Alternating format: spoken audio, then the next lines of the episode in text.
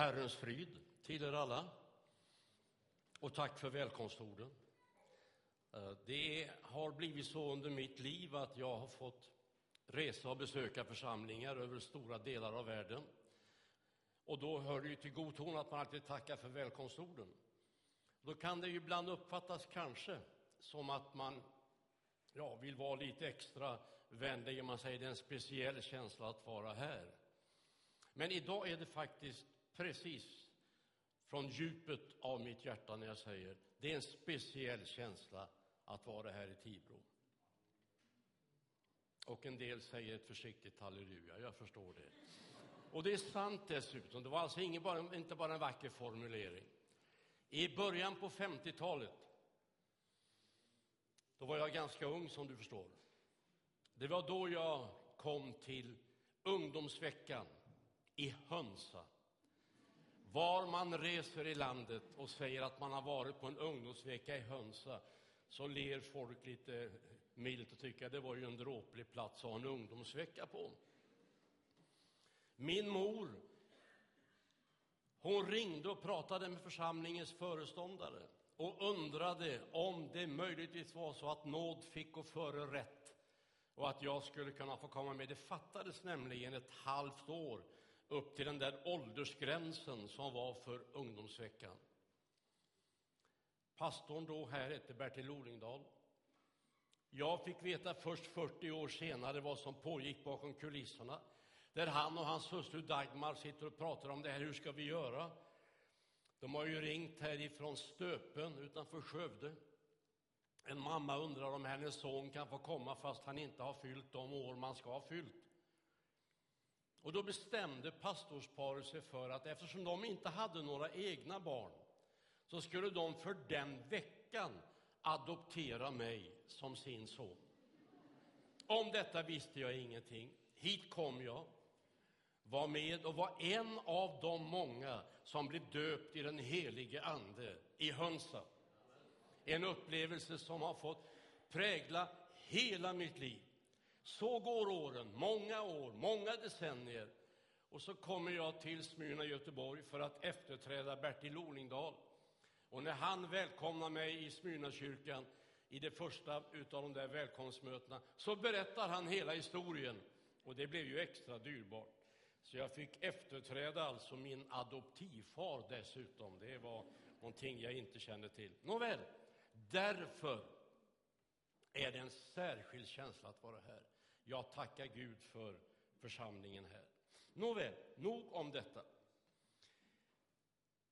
Så här står det i en av de gamla testamentliga profeterna. Hör, någon säger predika. En annan svarar, vad ska jag predika? Det är predikantens eviga dilemma.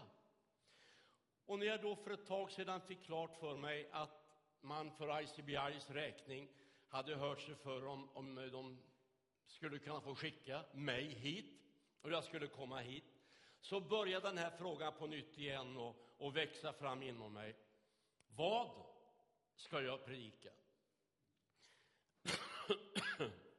och jag är...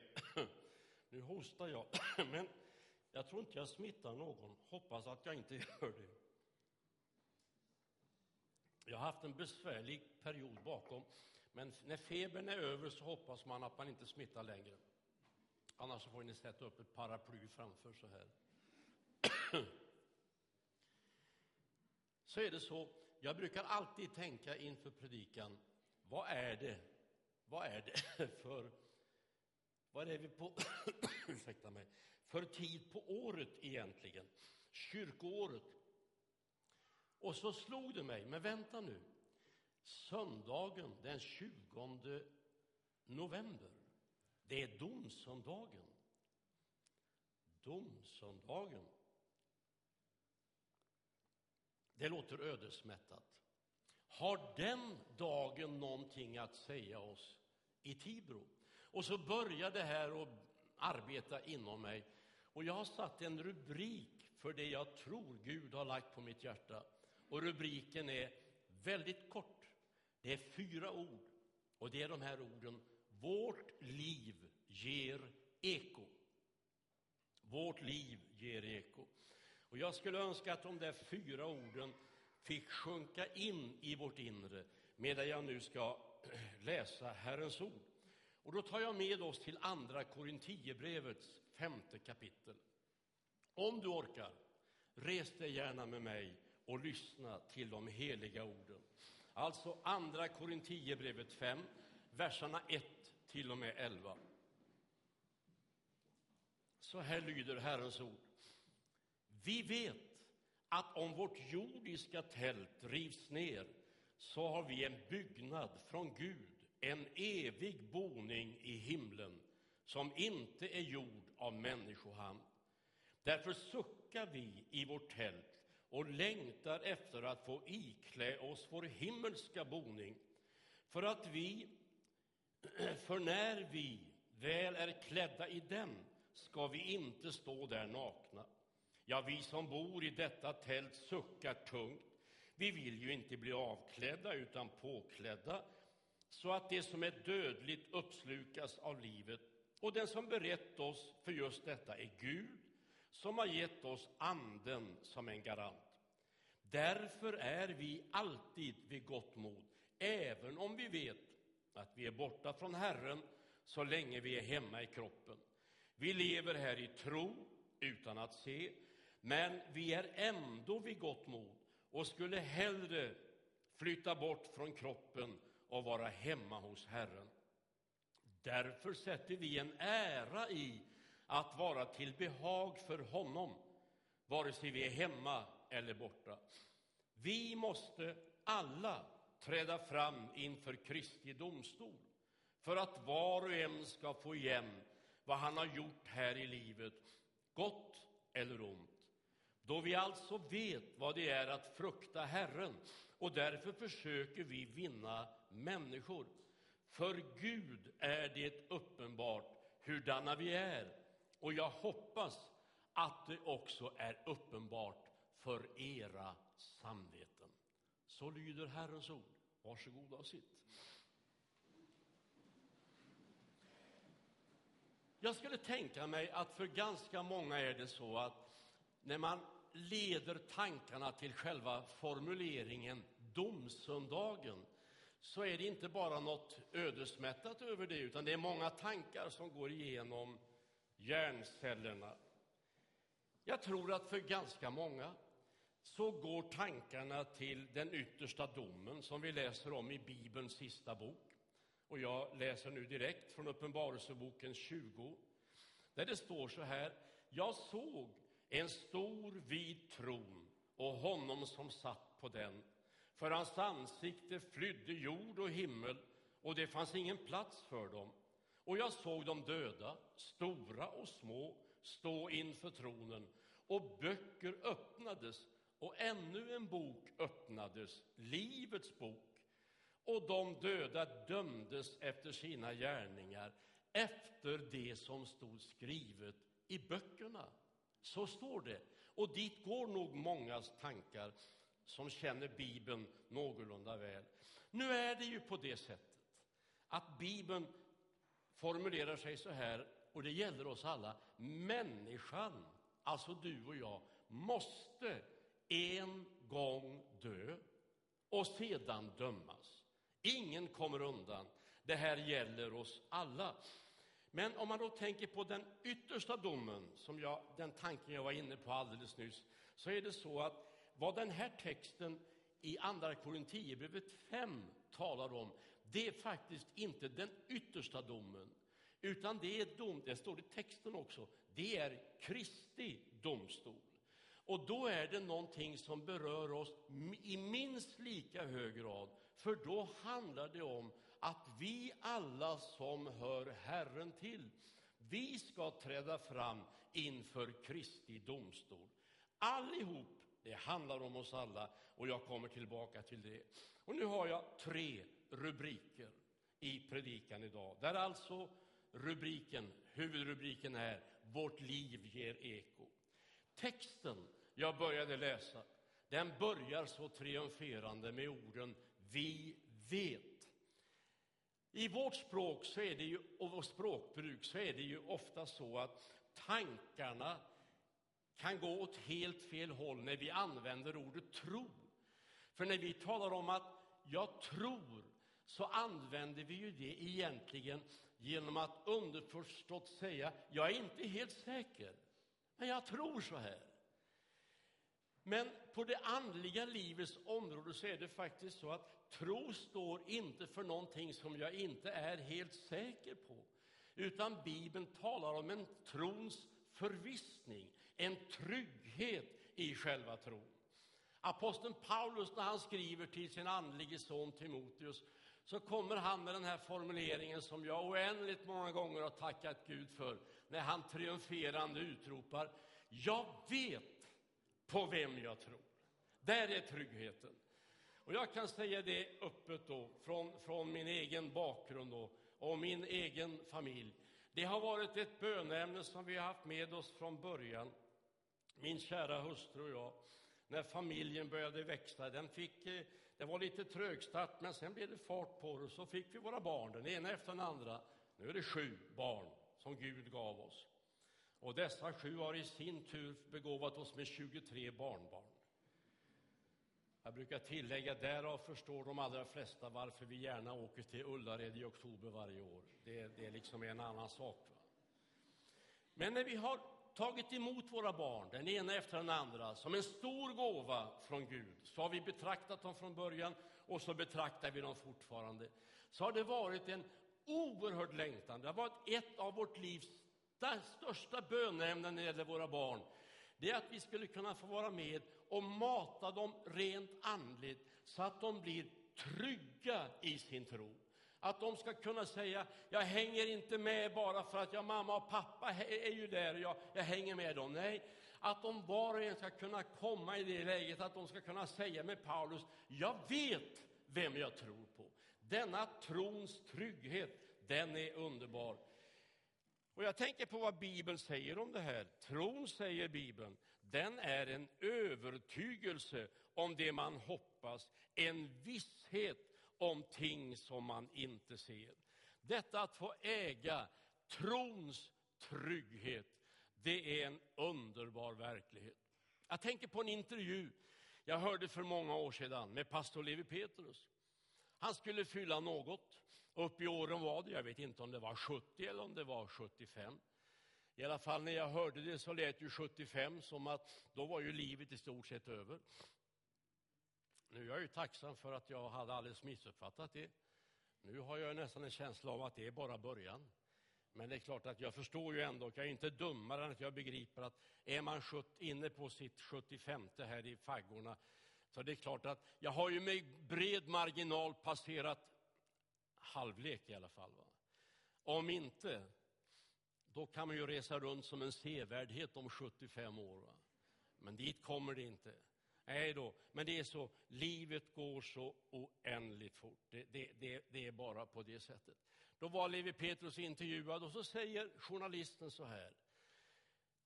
När du, pastor Petrus, var en ung man, då skrev du den sången som har blivit kallad för pingstväckelsens höga visa. Löftena kunna i svika. Du skrev den som en ung man. Hur känner du för den sången nu? Svaret har aldrig kunnat lämna mig när Levi Petrus säger med stor värme och övertygelse när jag skrev det trodde jag det, nu vet jag det. Och jag kände en sån oerhörd längtan som ung. Ja, men käre Gud, tänk att kunna få leva ett liv tillsammans med Herren där det är på det sättet att tron får mogna fram. Så ju längre jag får leva, desto mer trygg blir jag i min tro. Jag vet vem jag tror på. Jag vet vart jag är på väg. Om detta vi vet skulle jag kunna uppehålla mig länge, men det är inte tiden på min sida för att göra. Nu kommer den andra punkten. Vårt liv ger eko här i tiden. Och det här är en oerhört viktig punkt i dagens predikan. För det handlar om att vårt liv får konsekvenser. Och för att understryka det här så säger Bibeln, och nu går jag till Romarbrevet kapitel, 10, nej, kapitel 14 och vers 7. Där står det, ingen av oss lever för sig själv och ingen dör för sig själv. Nej, så är det. Livet får konsekvenser. Ditt och mitt liv ger eko redan här i tiden. Om man riktigt får tag i den tanken, ja då förstår man ju varför Paulus formulerar sig som han gör i predikotexten där jag nyss läste. Därför sätter vi en ära i att vara honom till behag, vare sig vi är hemma eller borta. Alltså har man klart för sig att så allvarligt och så för den delen också härligt är det att vara människa. Vårt liv får konsekvenser, inte bara för mig själv, det får det också för andra. Och då bör det ju vara mitt livs drivfjäder att leva honom till behag. Redan här i tiden. Det är ett märkligt uttryck det där att vara honom till behag. Tänk om vi lite oftare under vårt liv skulle ställa oss den frågan inför vägval vi håller på att ta. Ställa oss frågan, vad behagar Herren i det här? Vad skulle Herren vilja?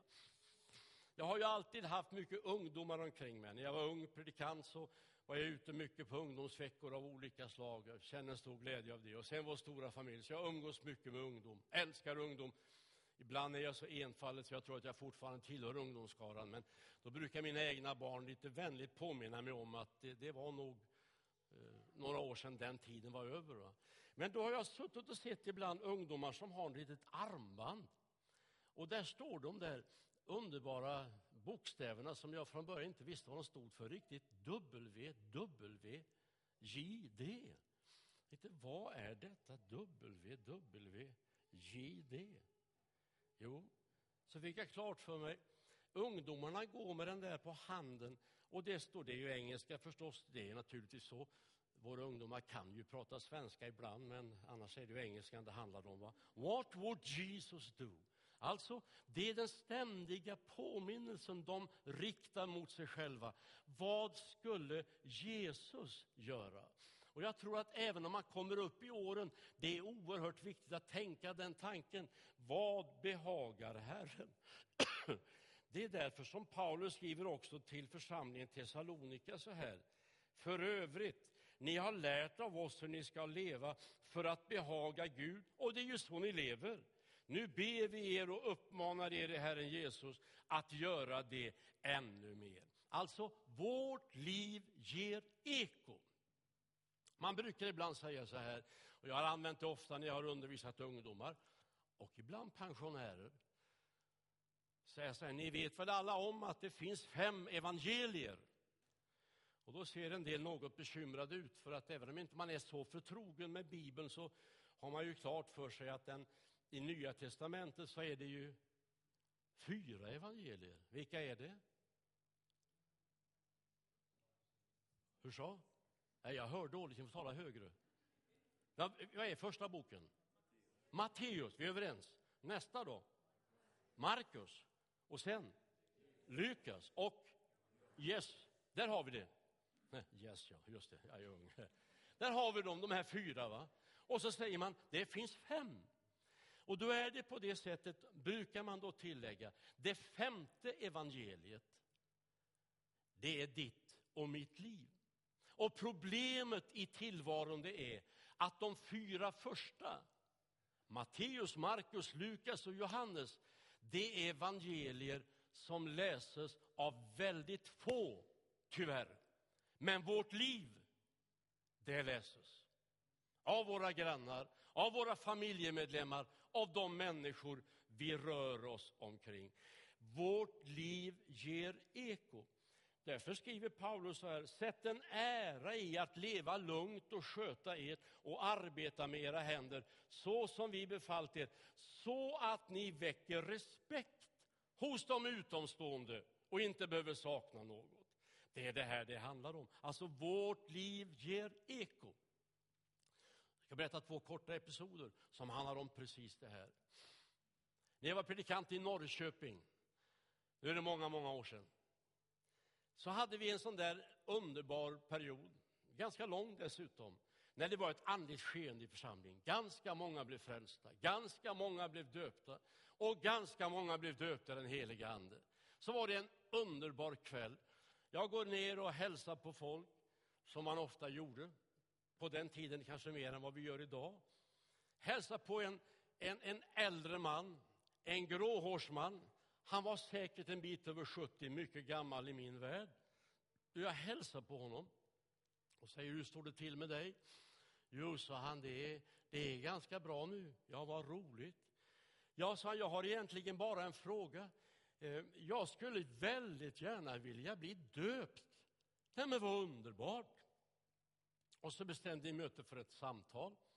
Och så säger jag så här, vad kommer det här sig? Att du har kommit till insikt om detta, nu är du ändå uppe i åren. Ja, börjar han sin lilla utläggning. Du förstår, jag hade en arbetskamrat i många år. Han tillhörde Sion, sa han. Och jag såg framför mig direkt, men vad underbart, en arbetskamrat som har stått här och vittnat och sjungit och delat ut handaffischer. Och, och jag fick ju, ja, det var nästan jag fick, ja, lämna det.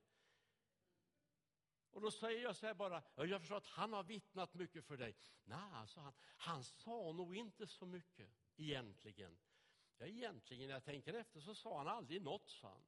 Men det lyste om honom. På måndag morgon när vi andra kom där och var lite blå under ögonen och lite påverkade av helgen, lite trötta och slitna, så stod han där vid sin maskin och det bara lyste om honom. Och jag tänkte under alla dessa år, sa han, jag skulle vilja få göra en sån upplevelse. Och så har jag fått göra det i min ensamhet, sa han. Och nu vill jag gå vidare, nu vill jag uppleva frälsning.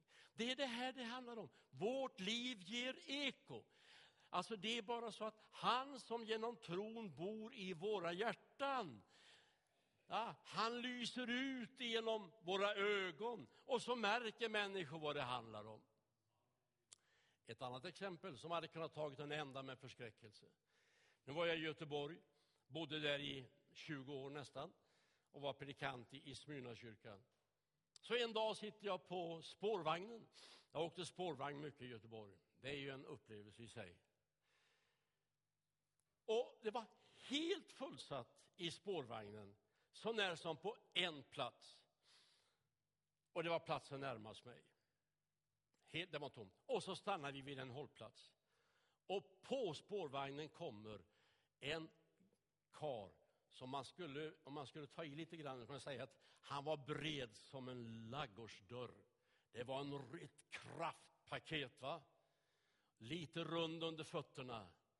Och så tittar han sig omkring i vagnen och så vrålar han. Jag är inte farlig! Och folk hukar sig. Så går han sakta ner under det att han upprepar, jag är inte farlig. Och jag hinner bara tänka tanken, jaha, här finns en stol. Den här gossen får jag ju vid min sida nu. Här gäller bara att klara ut det på bästa sätt. Och så ställer han sig mitt framför och så tittar han på mig och så vrålar han igen som en misslur. Jag är inte farlig! Då tänkte jag, det gäller att svara lika, inte lika högt men bra nära.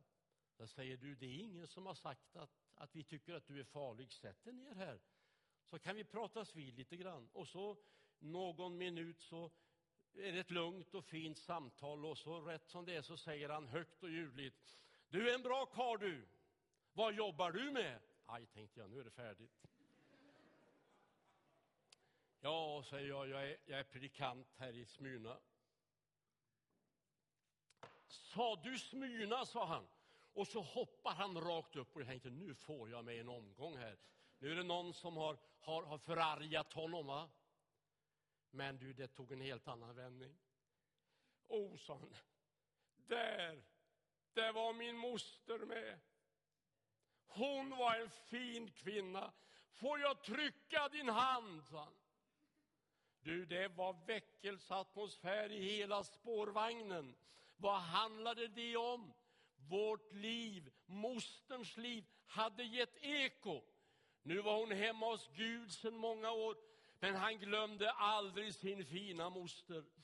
Och jag har bett till Gud många gånger, Gud hjälp mig att jag kan få leva så nära dig så att mitt liv kan få sätta avtryck hos andra människor. Det är det det här handlar om. Vårt liv ger eko här i tiden. Och om detta skulle vi kunna säga mycket. Låt mig bara avsluta med att säga, vårt liv ger eko i den eviga världen. Och nu blir det ännu mer allvarligt. Vi måste, skriver Paulus, du hörde mig läsa det, vi måste alla träda fram inför Kristi domstol för att var och en ska få igen vad han har gjort här i livet, gott eller ont. Ja du. I en annan bibelöversättning så är det ett tillägg. Där står det att vi måste alla, sådana vi är, träda fram inför Kristi domstol. Du vet, då är det slut på maskeraden. Här kan vi förställa oss. Jag menar, jag känner några av er eh, utseendemässigt. Sångledaren från ungdomsveckan i Hönsa, Vivan till exempel. Ja, det är ju inte klokt. Tänk att du var sångledare för oss då. Vad har hänt? Ja. Men här i tiden så kan vi spela teater för varandra. Va? Vi kan uppehålla en viss fasad. Ni känner inte mig, en del vet vem jag är eller mitt namn. Vi känner inte varandra. Det är, det är ganska enkelt om inte man är helt tappad bakom en vagn att, att kunna hålla en attityd, upprätthålla en fasad som ger en viss bild. Men det är bara så, när vår stund på jorden är över, då är det slut på maskeradtiden. Bibeln säger tydligt, sådana vi är ska vi träda fram inför Kristi domstol. Och du vet, får den tanken landa hos oss, då blir man oerhört ödmjuk och så får man bara en enda längtan och det är detta, käre gode Gud, hjälp mig.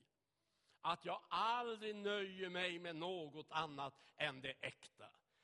Det finns så mycket av oäkthet i tiden så det är alldeles hejdlöst. På alla områden. Jag var ute och spelade golf här i Portugal för en, några veckor sedan med min brorsa. Och så var det, det var ett stort gäng som spelade golf. Inom parentes, jag spelar golf mycket hellre än bra. Blir aldrig någon bra golfare, men det är roligt i alla fall. Och jag hade en klocka, det var den här jag har nu. Den går ibland, det är jättebra. Och eh, just nu tror jag att den går. I alla fall så, den ser, jag, jag tycker själv att den ser ganska, vad säger du Bengt? Visst ser väl den bra ut? Ja. Och så hade jag en annan som var lite kämpigt med, med att orka gå så att vi kom överens om, den här damen och jag, att vi, vi åker bil. Vi tar en sån där golfbil, hon och jag. Det gjorde vi, delade på kostnaderna rättvist. Och satt vi där och hon körde. Är det okej okay att jag kör? sa hon. Ja, det går jättebra, så jag får koncentrera mig helt på golfen här. Och hon körde. Och så en eh, av dagarna så tittade han. En väldigt fin klocka du har, sa hon. Ja, tack ska du ha, sa jag. Den är dyrbar, va, sa hon. Ja, tja, sa jag, det beror på hur man ser det. Det är klart, det är ju ingen Rolex. Om sanningen ska fram så, så köpte jag den i USA. Jag skulle gå in och köpa en länk till eh, den här klockan, för länken hade gått sönder. Men det visade sig att det var billigare att köpa en helt ny klocka än att köpa en länk. Så, så, så var det med den dyrbarheten. Och den ser så fin ut, sa hon. Ja, tack för det, sa jag. Ja, ja, ja. Det är någon slags halv, halväkta, va? Eller inte, det är nog halv. Det är nog bara fusk alltihop egentligen. Egentligen, va? Nåväl. Men ni vet, det är ganska mycket i tillvaron som är sånt. Det, det, kan se märkvärdigt ut. Och det kan vara likadant bland oss människor. Va? Man kan se, ut, ja hon, det är, åh vilken fin kvinna, vilken fin man. Men det är ju ytan man ser. Men om man, inte för att döma varandra, inte för att göra livet svårt, men om man ändå till och från bara ställer sig frågan, ja men Herre, en dag, när, det vet jag inte, då ska jag träda fram inför dig precis som jag är. Hjälp mig då, Herre, att jag klarar det testet. Om detta skulle kunna sägas precis hur mycket som helst. Men vårt liv ger eko. Här i Tibro är det massor av människor, det kan jag säga på goda grunder, som väldigt sällan läser Matteus, Markus, Lukas och Johannes. Det är väldigt sällan de gör det. Men dig läser de. Eller där jag bor i Södertälje. På vår gata är det 70 procent invandrare, vi är 30 procent svenskar, så jag utgör en liten apart minoritet i vår egen stad. Det är ganska roligt faktiskt. Det är invandrare runt omkring och jag som är en internationell, jag älskar ju den miljön. Jag tycker det är alldeles underbart. Men det är bara så att de här allra flesta av de här människorna, de läser ju inte Matteus, Markus, Lukas och Johannes, men de läser mig. De läser min fru. De ser, och de tittar mer på oss än vad som egentligen är riktigt behagligt. Men så är det. De studerar våra liv. Det är därför vi har anledning att säga, milde Herre Gud, bevara oss nära dig hela livet vårt liv ger eko. För när vi kommer hem till Gud, då är det bara så att det enda som betyder någonting då, det är inte vilken bild människor hade av oss, eller omgivningen hade, utan det är hur såg Gud på vårt liv egentligen. Allra sist. Jag har vid två tillfällen varit väldigt nära att gå in i den eviga världen. Senast det var 2003, dagen före nyårsafton. Jag hade talat på den stora konferensen i Stockholmsmässan, Persen. Sitter och äter en god bit mat med två av mina pojkar och en del andra pastorer. Där jag helt plötsligt bara drabbas av hjärnblödning. Och efter en liten stund så... Sen har jag mycket diffusa minnen av vad som hände. Tjutande ambulanssirener och alltihop det här, det finns någonstans där. Inom parentes så, när jag sen har suttit och läst journaler där det står där det står, de beskriver mig när jag kommer in i första hand till Södersjukhuset och sen till Karolinska, så står det på Södersjukhuset, eller så står det om mig så här. Han svarade redigt på alla frågor. Då kan jag skratta och tänka, vad i all världens dagar kunde jag svara redigt på? Jag vet inte något vad det här handlar om. Så vad jag svarade hade varit intressant att se de frågorna och svaren. Men, men så var det. Men så nära var jag att gå in. Och jag trodde själv att jag skulle dö. Men eh, det var inte så. Den Gud i sin nåd, han tyckte väl att jag hade något kvar att göra, så jag har fått fortsätta. Jätteglad för det. I alla fall så flyttade vi till Södertälje för tio år sedan. Och Det innebar ju bland annat att det var en ny läkare som skulle ta hand om mig. Och så sitter jag med den här läkaren.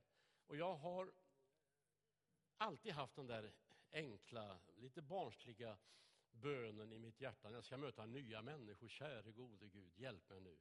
Om jag på ett naturligt sätt skulle kunna säga någonting om dig. Jag är inte sån där som vill klampa på bara, men jag vill ha en öppning. Och så sitter jag med den där för mig helt obekanta läkaren och en, lite tystlåten, lite butter typ. Men att de ser buttra ut, det behöver inte vara detsamma som att de är buttra. Så efter en stund så tänkte jag så här, vänta nu, jag gör ett försök. Så jag säger, hör du, så jag. När man befinner sig i det där rummet mellan liv och död, då är det många tankar som går igenom ens hjärna. Ja, så det förstår jag. Och så kommer kalasläget. Då säger han så här. Vill du berätta något för mig? Det är du, för en pingstpredikant. Gärna, sa jag. Du förstår, så jag, det jag låg på KS och hade liksom börjat vakna lite grann, visste ingenting om skador, visste ingenting om vad som skulle komma. Så låg jag och reciterade en dikt som en kollega till mig skrev för många, många år sedan. Jag kom inte på hela dikten, så jag. men jag kom ihåg den fragmentariskt. Och så gick jag ett steg längre fram och så sa jag, vill du höra? Tack gärna, sa han. Och så läste jag dikten av Allan Törnberg. Vid evighetens ödesport mäts allt med andra mått. Vad vi som människor kallat stort blir där så ofta smått. Den natten allt mitt eget brast och intet återstod. Den enda grund som då stod fast var Jesu Kristi blod. Det var vad jag kom ihåg. Det finns några fler versar, men just då kom jag inte ihåg mer. Det var en förtätad atmosfär inne på läkarrummet. Jag har sagt mer än en gång. Det var synd egentligen att jag inte var mer frimodig, så skulle jag gett ut en frälsningsinbjudan på en gång. För något så berörd som läkaren var. Men får jag bara avsluta min predikan med detta. Vårt liv ger eko. Ja, det gör det. Men så när den dagen kommer, jag är, har redan talat om hur gammal jag är, så jag behöver inte upprepa det. Jag begriper att jag fuller väl har, har i princip gjort min vägsträcka. Det kan ju vara ett tag till. Jag vet ju inte.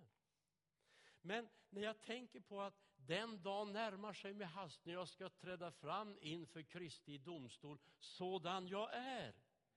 Du vet, då betyder det inte ett dugg om dagen skriver några vackra ord eller om de inte skriver något. Det betyder ingenting. Det enda som då är, betyder någonting, det är att jag står där jag gör på grund av Jesu Kristi blod. Jag tror inte någon inför den dagen känner ett behov av att, att uppleva sig tuff och säker. Ja, jag har ju ändå ett, ett ordentligt religiöst CV i bagaget. Nej, du, då är det bara ett som betyder någonting. Och det är att jag har upplevt Jesu Kristi, Guds sons blod i mitt liv som har renat mig ifrån all synd. Och låt mig därför säga så här, det är den öppningen som finns för oss alla. Du som sitter här i kyrkan eller som följer via nätet och är med i gudstjänsten, oavsett vem du är, oavsett vad din livshistoria är, så är det detta som är så underbart. Jesus Kristus, världens frälsare, han vill vara din och min frälsare. Och då kan vi inför detta oerhörda som ligger framför känna den stora tryggheten. Ska vi be tillsammans? Herre, jag tackar dig. Jag tackar dig av hela mitt hjärta för att mitt i allvaret av att vårt liv ger eko så finns denna un, detta underbara hopp och denna, denna djupa underström av glädje. Vi vet på vem vi tror. Vi vet vart vi är på väg.